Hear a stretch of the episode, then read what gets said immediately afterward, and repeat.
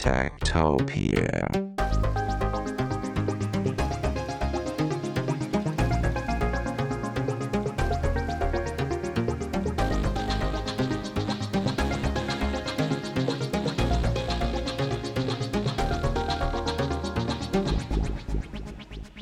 Tektopia er en podcast om mennesker og deres teknologi, udgivet af Ingeniørforeningen IDA i samarbejde med mediehuset Ingeniøren og China Experience, støttet af Innovation Center Danmark, IDA Forsikring og EUT Electronics of Tomorrow. Mit navn er Henrik Føns, og det er mig, der bestemmer i Tektopia. Tektopia.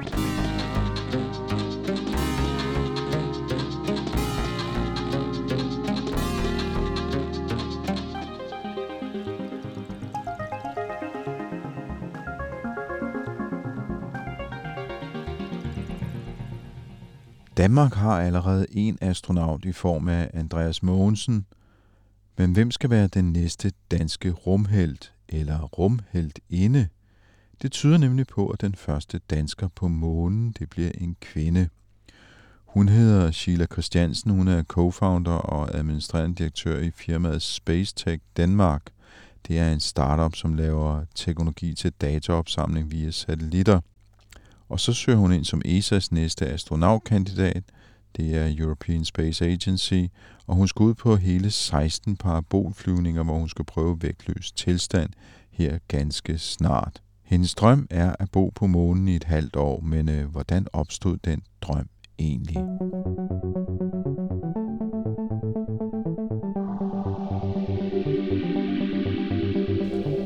Det startede, da jeg var lille. Altså, øhm, jeg, kan, jeg, kan, jeg kan ikke huske en tid før det, men jeg kan godt huske øjeblikket, hvor jeg ser øh, de her billeder af nogle astronauter i en børnebog. Jeg vidste jo ikke, de var astronauter, men jeg kunne se, at de var et sted, som ikke var jorden. Det lignede lidt sådan en fantasibog på en eller anden måde. Ikke? Men, men grundlaget af historien var jo de første mænd på månen, eller den første, det første menneske på månen, eller et eller andet. Så jeg vidste godt, at, at det ikke var en fantasibog. Og så kunne jeg se på billederne, at han stod sådan lidt skævt i luften, men var ikke ved at falde. Altså, der var styr på, øh, hvad de lavede. Så jeg spurgte, jeg tror, der var min farfar eller min mor. Jeg ønsker, jeg kunne huske, om det var, der læste den bog for mig, men hvad foregår der i det billede? Og, og så fik jeg forklaring om, at det var du ved, månen derude, og der har nogle, været nogle mennesker deroppe, og deroppe, der er der ikke noget tyngdekraft. Så der falder man ikke ned på jorden, ligesom man gør her der svæver man. Øhm, og på månen var der lidt mindre tyngdekraft end på jorden, og så derfor, så, når de tog skridt, så var de sådan lidt mere i luften, end vi var her på jorden. Og det fascinerede mig enormt meget. Øhm, jeg har før det været helt vild med Superman, og den der med at kunne flyve. Men Superman, astronauter og børnebøger, hvor gammel har du været der? Altså, jeg tror, jeg var tre år gammel, da jeg, jeg troede S'et på Superman, det stod for Sheila, ikke? Ah, okay. Ja, altså det var jo det ene, ene bogstav, jeg kunne der, da jeg var tre år gammel. Så du tænkte, der, der er simpelthen en mand, der kan flyve og er super stærk, og han har mit navn på brystkassen? Ja, men min mor sagde, at det sjove det var, at alle de andre piger, de ønskede, de var øh, hende Lois Lane, ikke? Men jeg ønskede, jeg var ham. Mm. Altså, jeg, jeg var ligeglad med hende der. Øhm, men, Ja, men... Men, men, men der er jo så alligevel et stykke vej fra som treårig at uh, tænke, åh, oh, jeg kunne godt tænke mig at flyve, jeg kunne godt tænke mig at være vægtløs på månen til her været øh, 30 år senere næsten, og, ja. eller mere end 30 år faktisk, ikke? og sidde og være på vej til faktisk at... Jamen, jeg er helt vildt, let, ikke lettet, men helt vildt øh, æret og spændt, og jeg føler mig så heldig og så lykkelig over, at jeg, at jeg har formået uden at gå målrettet efter det, at kvalificere mig. Men jamen, fortæl, fortæl lidt om processen. Hvad er det for en proces, man skal igennem? Øhm, ja, det er en langvarig proces. Der er jo seks forskellige stages, kalder de det. Øhm, så stage 1 er jo den her screening, som vi er i nu. Så det er meget tidligt ude i processen, vi er i. Men det er jo ligesom en, en jobansøgning, hvor du skal søge ind øh, til et job, hvor du skriver, du sender dit CV og en motiveret ansøgning, så er den her ansøgning lidt anderledes. Du kan logge ind, og du kan arbejde på den øhm, og logge ud af den igen, og så kan du logge en anden dag og arbejde videre på den, ikke? fordi der er, der er en masse spørgsmål, de stiller dig. Der er et, et øh, pilotcertifikat, øh, sådan medical certificate, du skal aflevere. Den skal have været lavet af en, en AME. Jeg, jeg ved ikke helt, hvad det er. Eller en, hvad står det for? eller en IMA. Jeg ved det ikke. Det er sådan en European... Eller nej, en Aeronautical Medical Examiner, tror jeg, det hedder. Ah, okay, Ja, sådan en øh, slags, hvad kan man, hvad kan man kalde det? En, en, En- en rum, flylæge, en en, en, rumlæge. fly, flylæge, en rumlæge, ja. ja, en flylæge. Og ham, Sådan der en. lavede den for mig, det, han er en... Øh, han har en fin titel. Der stod Weightless Surgery, eller nej, hvad hed han? Han stille var et eller andet med Zero G Surgeon, tror jeg, han, hans titel er. Altså en, en vægtløs kirurg. Så det er meget fornemt titel.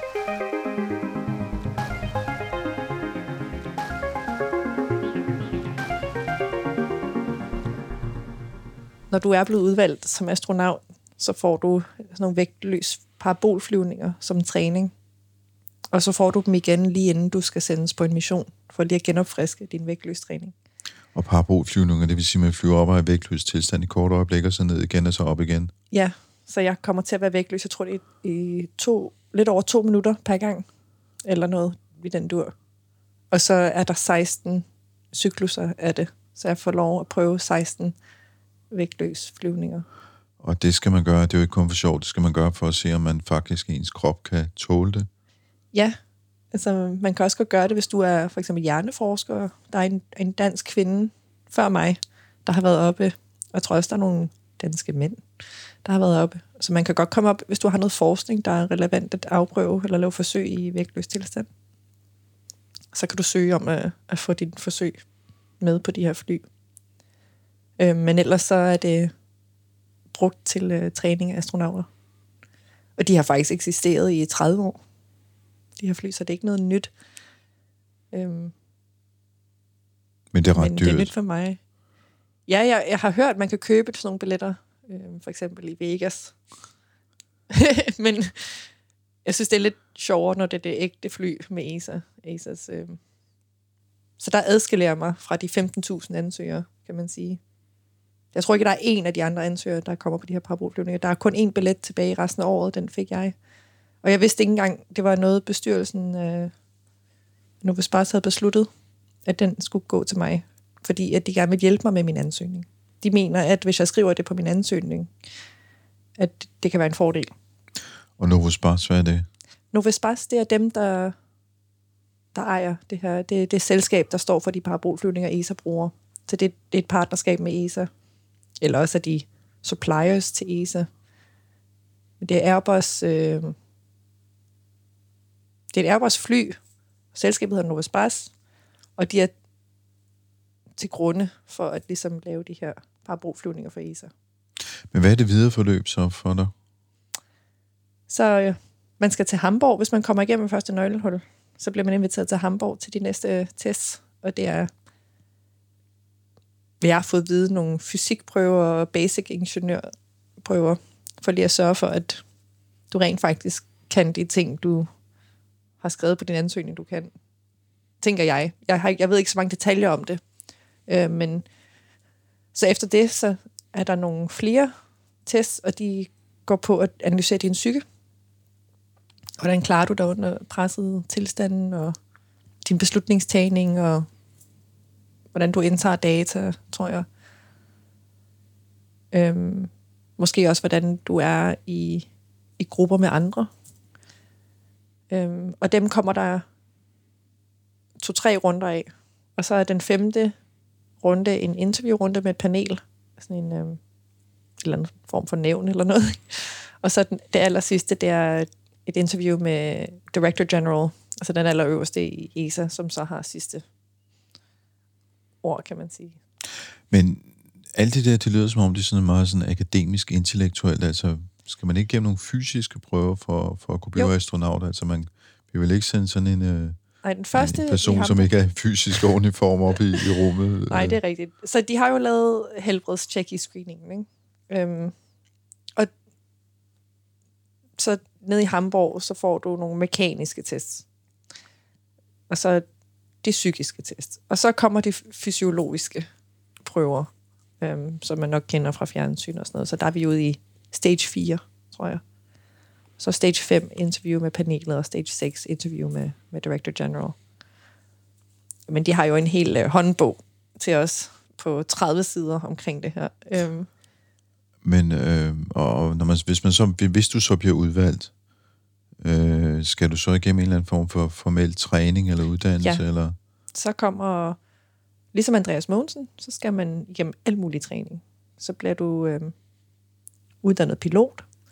Du kommer i sådan nogle øh, grotter på sådan en øh, underjordisk overlevelsestur, hvor du skal overleve sammen med de andre kandidater eller de andre astronauter på et hold i nogle grotter, uden at vide, hvad klokken er, og øh, uden at der er lys eller noget. Og, øhm, så det er meningen, at det skal sådan virkelig stresse dig, og se om dine overlevelsesskills i, også i, som team, øh, om de passer godt ind, og hvordan I passer sammen, og, og flet de her crews sammen, tror jeg.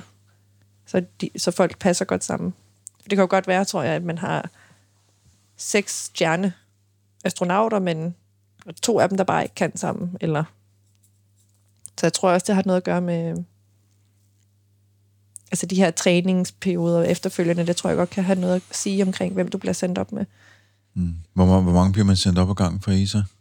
Jamen, øh, lige nu, eller her til foråret, der gik man jo over til, at alle ESA-astronauter bliver sendt op med, med Crew Dragon, med SpaceX-raketter.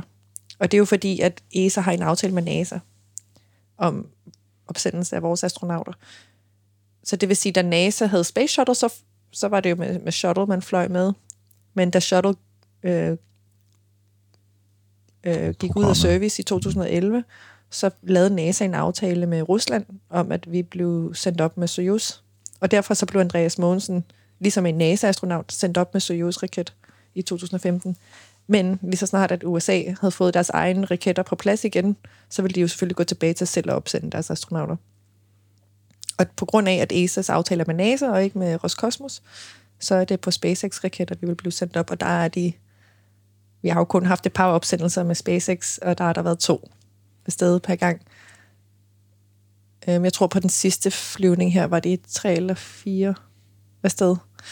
Øhm, Så det er jo det, sådan, det crew ser ud. Så endemålet, hvis du bliver udvalgt som astronaut, så skal du sendes op med en SpaceX-raket til den internationale rumstation. Ej, hvad helst til månen. Nå, okay, det, det er også en option. Ja, ja, det er, det er, øhm, altså, Okay. det er til rumstationen i orbit om månen. Til, den hedder Orion. Øh, det er jo sådan en månestation, kan man sige, som skal være i orbit om månen. Og derfra, så skal man sende folk til månen. Øhm, så der er tre missioner, de ansætter til nu. Det er månemissioner, Orion-missioner og ISS-missioner. Og du vil gerne på en månemission. Helt Hvad- sikkert. Altså. Ja, fordi det hænger jo meget godt sammen med din, med din øh, drøm som, som, som skal- barn der. Plus, at jeg vil gerne blive lidt tid. Altså, jeg har ikke, øh, jeg har ikke lyst til, at det skal være ligesom en tivoli-tur. Jeg vil gerne indtage den verden. Jeg vil gerne blive en del af den. Øh, jeg vil virkelig gerne lære den at kende. Jeg har, jeg har for mange spørgsmål, og der er for meget data samlet derude til, at en Men... tur rundt om månen eller en tur til rumstationen vil være nok. Og jeg tror, det er næste år, der kommer en Orion. Mm. Øhm, og vi regner med, nu er jeg i tæt kontakt med NASA's flightdirektør, som nu øh, øh, her for et halvt år siden ikke er flightdirektør mere. Nu arbejder han på Artemis-missionerne. Ikke? Og der er fire dele af mit- øh, Artemis-missionerne. Forresten, det er det, de nye månemissioner hedder, det er Artemis, ligesom de gamle hedder Apollo. Mm. Artemis var jo øh, Apollos tvillingesøster. Der er fire forskellige stadier af Artemis-missionen, og den ene er jo den her Orion, som skal rundt om månen. Det næste er så at få et habitat, øh, eller få boots on the moon, du ved, få et menneske ned på, på jorden. Så skal der være et habitat på månen. Øhm, og så det sidste er så, at man skal kunne blive øh, på månen, ikke bare kun et par dage, men det er sustainable. Ikke? Og det er derfor, du siger, at du vil gerne være en del af det længere tid. Du vil simpelthen gerne bo på månen.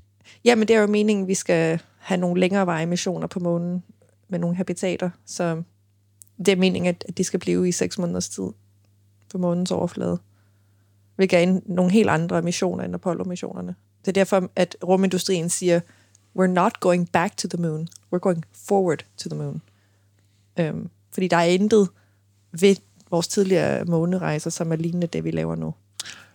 Så det, du faktisk øh, har søgt job som, det er en person, der skal bo på månen i et halvt år og Ja. lave forskning. Ja. Det er jo ret vildt. ja, jeg glæder mig rigtig meget. Nu må vi se, om det bliver til noget, ikke?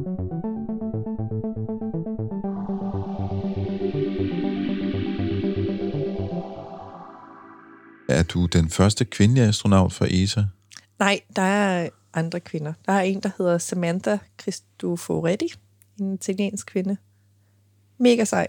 Hun er den eneste kvindelige astronaut lige nu for ESA. Jeg tror, der har været andre. Jeg tror, der var en, en englænder også på et tidspunkt. Men vi er ikke mange. Jeg vil være den første dansker i hvert fald. Ja. Og jeg tror, øhm, der har jo ikke været nogen kvinde på månen endnu. Men Så du kunne blive den første kvinde på månen. ej, det synes jeg. Jeg tænker, der er nok nogen, der er trænet, der kommer op før mig. Fordi at vi når at have boots on the moon, som de siger, før min træning er færdig. Men altså, hvad er din tidshorisont? Øhm, udvælgelsen bliver næste år, og så kommer der et par års træning, så man kan sige, så er vi ude i 2024, så realistisk set, så dem, der søger ind nu, kommer nok først afsted i slutningen af, midt til slutningen af 20'erne. Så der kommer ikke til at gå en 8-9 år eller sådan noget. I hvert fald 3 til 5 år. Ja. Fordi det tager sikkert to år at træne de her astronauter, de udvælger. Ikke? Og så som ESA-astronaut, så har vi en mission per, halv, per år, tror jeg, at de har købt sig ind hos NASA. Jeg vil sige, danske borgere skal jo vide, at alt det her afhænger jo af hvor- vores, øh, hvor meget vi bidrager til, til ESA.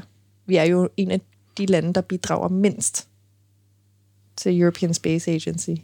Altså Polen bidrager med mere end Danmark. Og når du siger bidrag, fordi så er der jo sikkert nogen, der siger, jamen, øh, hvad får vi igen?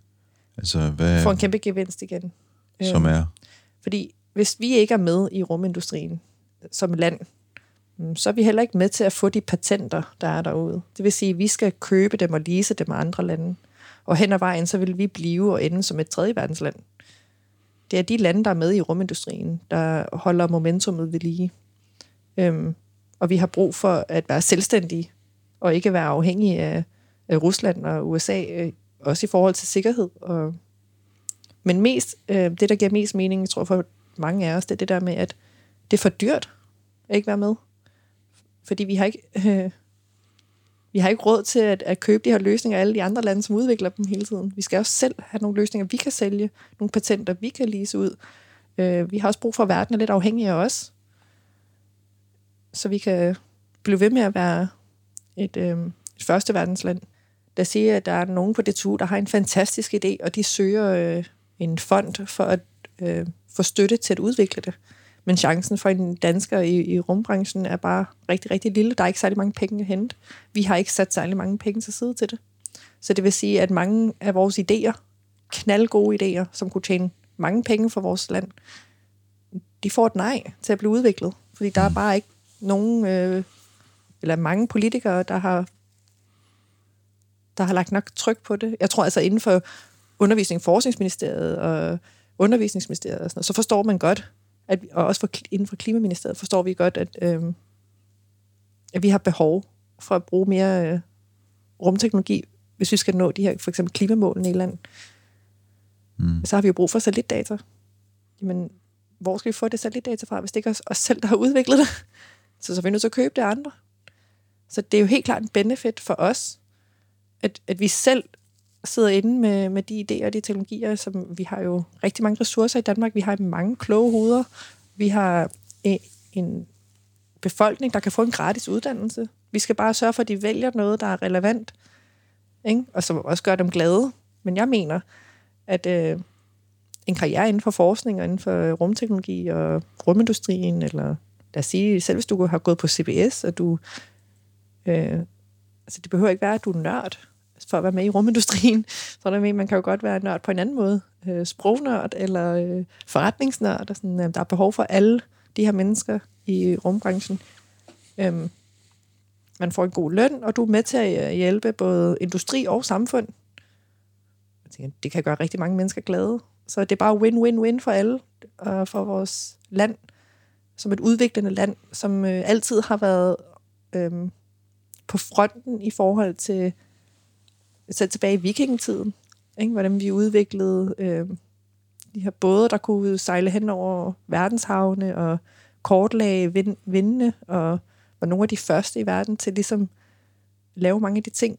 Jamen, det, det er jo os som folk, vores folkekultur er jo sådan, at vi er nysgerrige, og vi har ressourcer nok til at, at lave nogle nye løsninger, og, men har, sætter vi ikke nok værdi i dem, så kommer de jo ikke derud. Formidler vi dem ikke, kommer de ikke derud. Øhm, støtter vi ikke op nok, øhm, også økonomisk om, de her idéer, så bliver det jo heller ikke til noget. Altså, fra idé til produkt, der er lang vej, ikke? eller fra laboratorie til industri, der er lang vej. Og der har vi brug for, at vores politikere, og, ja, og Mark og Anna fra øh, Hørsholm også er med og forstår, hvorfor det er vigtigt. Ikke? Men hvis vi lige skulle tilbage til, når du så, altså hvis du havner på månen og skal være der halvt år, hvad, altså, hvad, hvad skal du så, øh, hvad skal du foretage dig om? Altså, hvad, Jamen, som hvad er drømmen astronaut, der?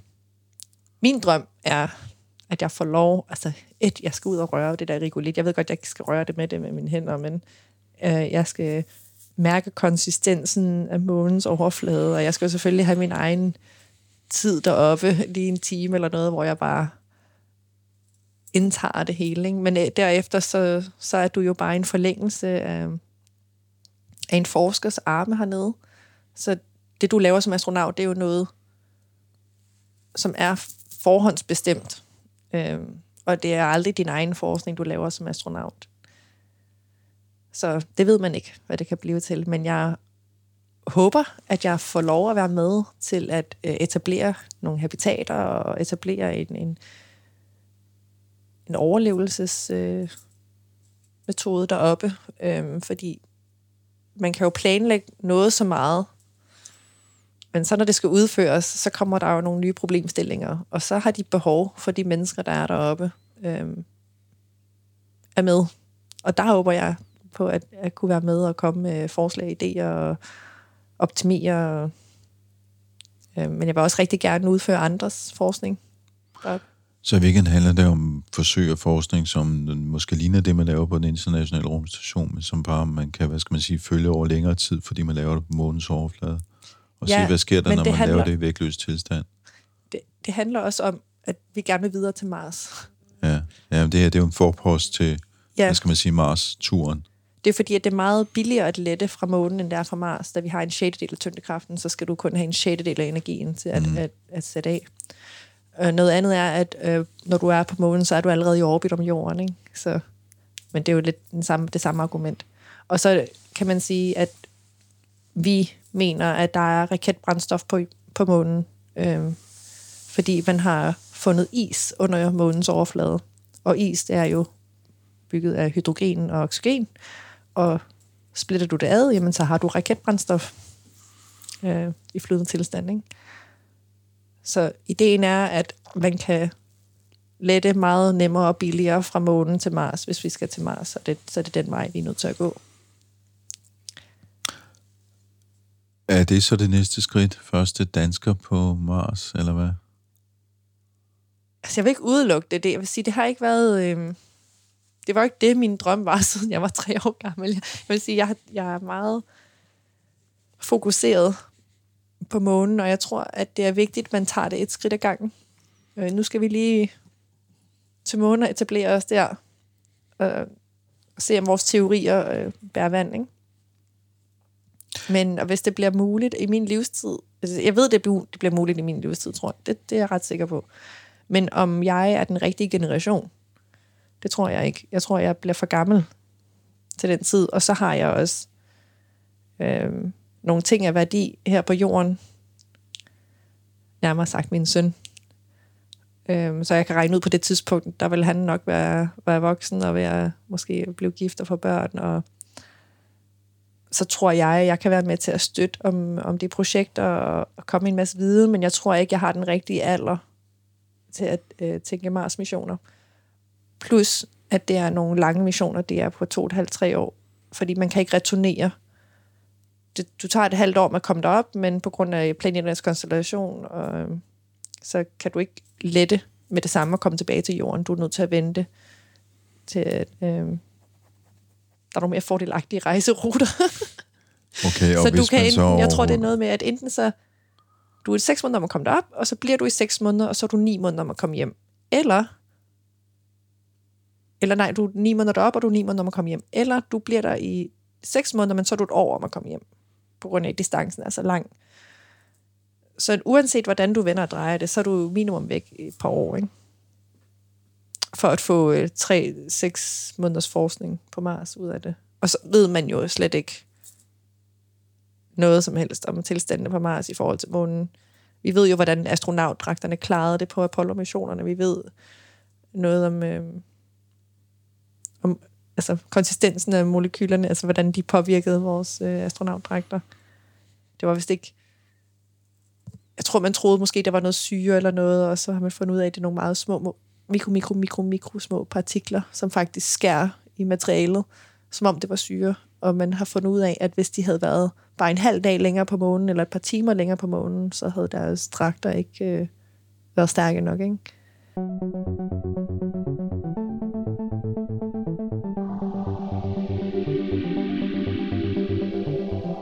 Ja, og det er jo et andet aspekt af det der. Er du slet ikke, øhm, du er slet ikke bange for, at det skal gå galt? Altså, er der ikke en øh, nervøsitet? Hvad nu, hvad nu, hvis det går galt, jeg ikke kommer tilbage? Eller? Jo, men øh, man har jo selvfølgelig vurderet konsekvenserne. Øhm. Men jeg må indrømme, at, at da jeg arbejdede for NASA, der var jo ikke noget... Jeg arbejdede for NASA der, da den anden Space Shuttle eksploderede på, på returvejen. Vi havde en, en Space Shuttle, der brændte op i atmosfæren, fordi der var nogle fliser, mm. eller nogle af de her øh, isoleringstiles, der sad løst. Og der var jeg 21, jeg tror det var i 2002 eller noget. Øhm, og der tænkte jeg, der fik jeg lidt et chok, for jeg havde arbejdet for NASA i nogle år, og jeg vidste godt, at Challenger eksploderede tilbage i 80'erne. Øhm, der havde jeg været meget lille, og øhm, jeg tror måske endda nyfødt. Så den påvirkede mig ikke så meget, som for mig var problemer med opsendelser og sådan noget. Det var noget, der hørte til fortiden. Så da den fejl skete der i 2002, så fik jeg lige et... Øh, nu skulle jeg lige revurdere. Øh, for jeg kunne godt regne ud, at til den tid jeg var færdiguddannet, og dengang, der, der var jeg jo ikke forsker, så øh, der havde jeg tænkt mig at søge ind ved at blive jægerpilot. Så jeg var i gang med, med en interviewproces med US Navy. Jeg er halv amerikaner, så jeg har altså et amerikansk pas. Øhm, og jeg fik at vide, at jeg kunne komme ind ned, i øhm, San Diego og blive sworn in, og ind i nogle simulatorer, og det var den nemme måde at blive astronaut på, fordi at 60% på det tidspunkt af astronauter havde været piloter. Og er du jægerpilot, øhm, så, så er du ret højt stillet. Men mens jeg arbejdede for NASA og havde de her drømme og de her planer, så skete den der øh, eksplosion. Og så begyndte jeg at tænke, okay, om, om 10 år, når jeg er færdig med min øh, bachelor, og jeg så har søgt ind til jægerpilot og har brugt fire år i jægerpilotuddannelse, og så skal du betale militæret tilbage med fire års tjeneste, fordi det er så dyrt at øh, oplære en jægerpilot, ikke? Så kunne jeg søge ind som testpilot, og så kunne jeg søge ind som astronaut. Altså, det var en lang rejse. Så tænkte jeg, til den tid, der har jeg jo fået børn. Og hvis de eksploderer på vej ned i atmosfæren og brænder op, så ved jeg ikke, om det er noget, jeg har lyst til til den tid. Så der valgte jeg faktisk at øh, læse øh, genetic engineering i stedet for. Jeg, jeg hoppede fra aerospace og begyndte at læse genetics. Jeg synes, det var virkelig spændende evolution. Jeg fik stadig lov at opdage, øh, hvor kommer vi fra? Ja, den der eksistentialisme, øh, den var der stadigvæk. Og det var også fordi, at Bush var præsident på det tidspunkt og begyndte at skære meget i økonomien for forskning og, og lægge det over til, øh, til militæret. Det her det er jo i nullerne efter, efter september og sådan noget også. Så jeg så meget af mine, mange af mine drømme ville være umulige at opnå. Så jeg var nødt til at, at finde nogle sekundære drømme, der var lige så gode. Ikke? Men da jeg kom hjem til Danmark, øh, søgte jeg ind på DTU øh, på biotek linjen for at færdiggøre min bachelor. Der var heller ikke noget, der hed rumteknologi og geofysik dengang på DTU. Og så øh, begyndte jeg at læse lidt mere fotonik og partikelfysik, for jeg, jeg kunne mærke, at jeg savnede stadig rå data, og ikke øh, de her store makromolekyler med proteiner og enzymer og sådan Jeg synes, det var blevet sådan lidt humanistisk, det jeg læste. Ikke? Og øh, så blev jeg inviteret ind på en rundvisning ind i Copenhagen Suborbitals. Og, og så, altså, no looking back, fordi der gik det op for mig, at jeg stadig havde en mulighed for at dyrke det, jeg elsker. Altså, det kan godt være, det kunne være på hobbyform, men jeg var ligeglad. Altså.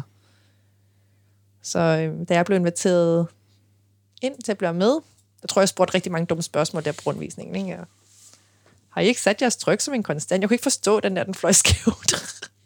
mm-hmm. Og men til sidst så sagde de, at vi har faktisk brug for en, øh, der kan noget fluiddynamik. Og om jeg havde lyst til at være med. Og det var bare en drøm, der gik i opfyldelse.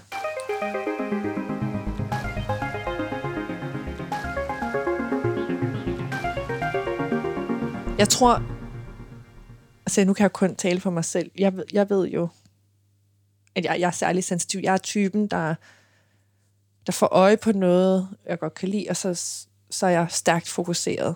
Øhm, jeg ved ikke, om det er lidt det der autistiske træk, vi alle sammen har lidt af. Ikke?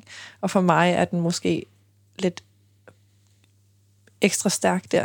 Mm. Øhm, det har bare været noget, jeg opdagede. Det er en tilfældighed, jeg var, gammel, jeg var så gammel, da jeg opdagede det. Og jeg har bare ikke kunne slippe sygen af det siden. Og jeg tror, sådan er det med ægte kærlighed. Altså, it's love at first sight. Mm. Ikke? Og du glemmer det aldrig. Det er first impressions last.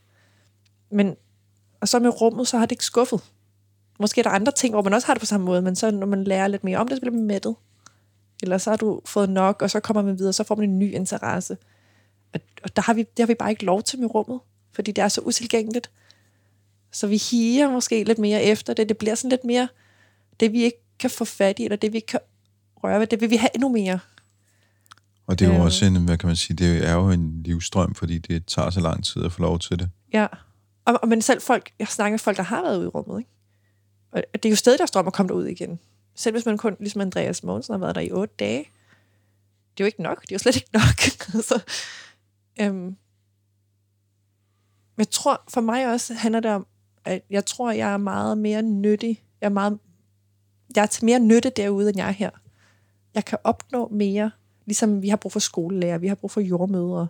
Øhm, det er jo essentielle dele af vores samfund hvad kan jeg gøre, som er essentielt for vores samfund? Hvor er jeg til mest nytte? Og der er jeg derude.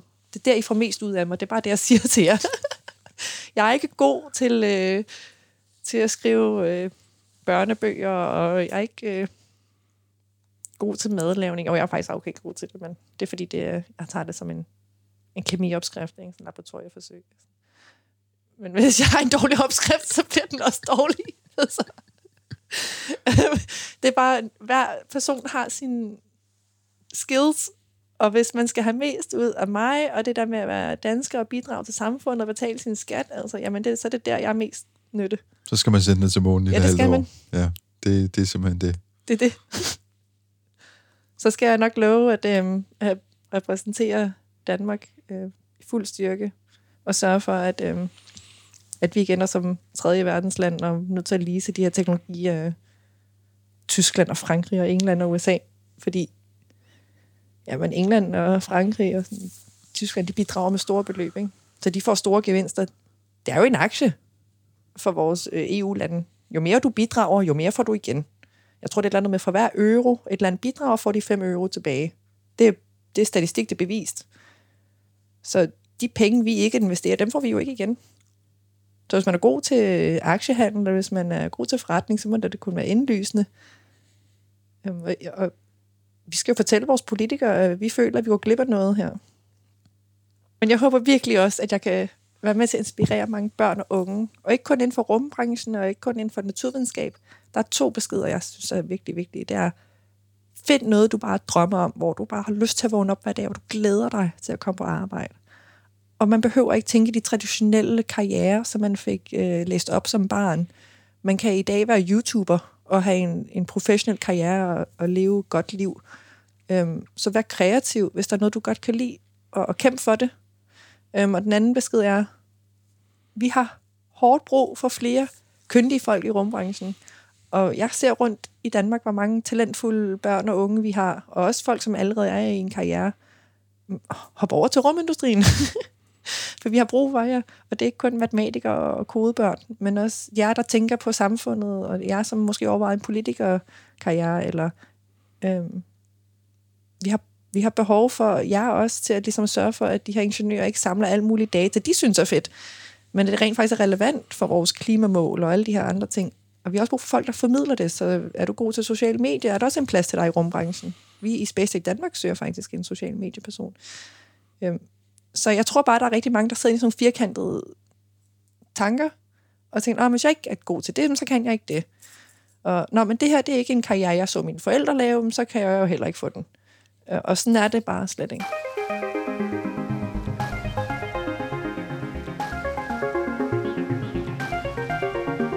Du kan selv møde Sheila Christiansen til Space Talks hos Ida på Kalvebod Brygge i København, og det er fredag den 25. juni i år kl. 13 til 17. Og jeg skal nok lægge et link på tektopia.dk. Sheila Christiansen er som sagt også øh, administrerende direktør og co-founder af firmaet Space Tech Danmark, der er en startup, som laver teknologi til dataopsamling via satellitter. Og det projekt, det vender vi tilbage til i næste udgave af Tektopia. Det er nemlig ganske spændende også. Tektopia. Og i denne her uge, der har vi også fået et uh, podkort fra Ingeniørens podcast, Transformator. Nu kommer de, har vi overvist sagt om elbilerne. Alligevel er vi blevet ved med at købe benzinbiler. Men hvor man har overvurderet effekten af det store skift fra benzin til el på den korte bane, så ser det altså ud til, at vi har undervurderet effekten på den længere bane. I denne uges transformator skal vi derfor se grundigt på, hvad det egentlig får konsekvenser for alt lige fra måden bilerne bliver lavet på, til sælgernes fremtidsudsigter og mekanikernes uddannelse og hele den måde at tænke på, når vi ejer en bil. Og jeg kan allerede afsløre en af episodens påstande. Det der med lange rækker af bilforhandlere langs indfaldsvejene til de større byer, det er snart en saga blot. Ja, du har lyttet til Tektopia. Vi udkommer hver eneste uge, og øh, du kan finde os på tektopia.dk. Der er tidligere episoder og links til, til, til nogle af de ting, vi snakker om i podcasten. Du kan også deltage i teknologidiskussionen i vores øh, Facebook-gruppe, der hedder Tektopia Backstage. Du kan følge os på Instagram og Twitter. Der hedder vi øh, snablag.tektopia.dk. Og så kan du skrive til mig med gode forslag og ris og ros på henriksnablag.tektopia.dk. I redaktionen sidder også øh, Veronika Volin og Sabrine Andersen. Og ja, så er der jo bare tilbage at sige på genhør, og øh, indtil næste gang skal du måske lige overveje, om du også vil være astronaut eller arbejde i rumbranchen. Tektopia.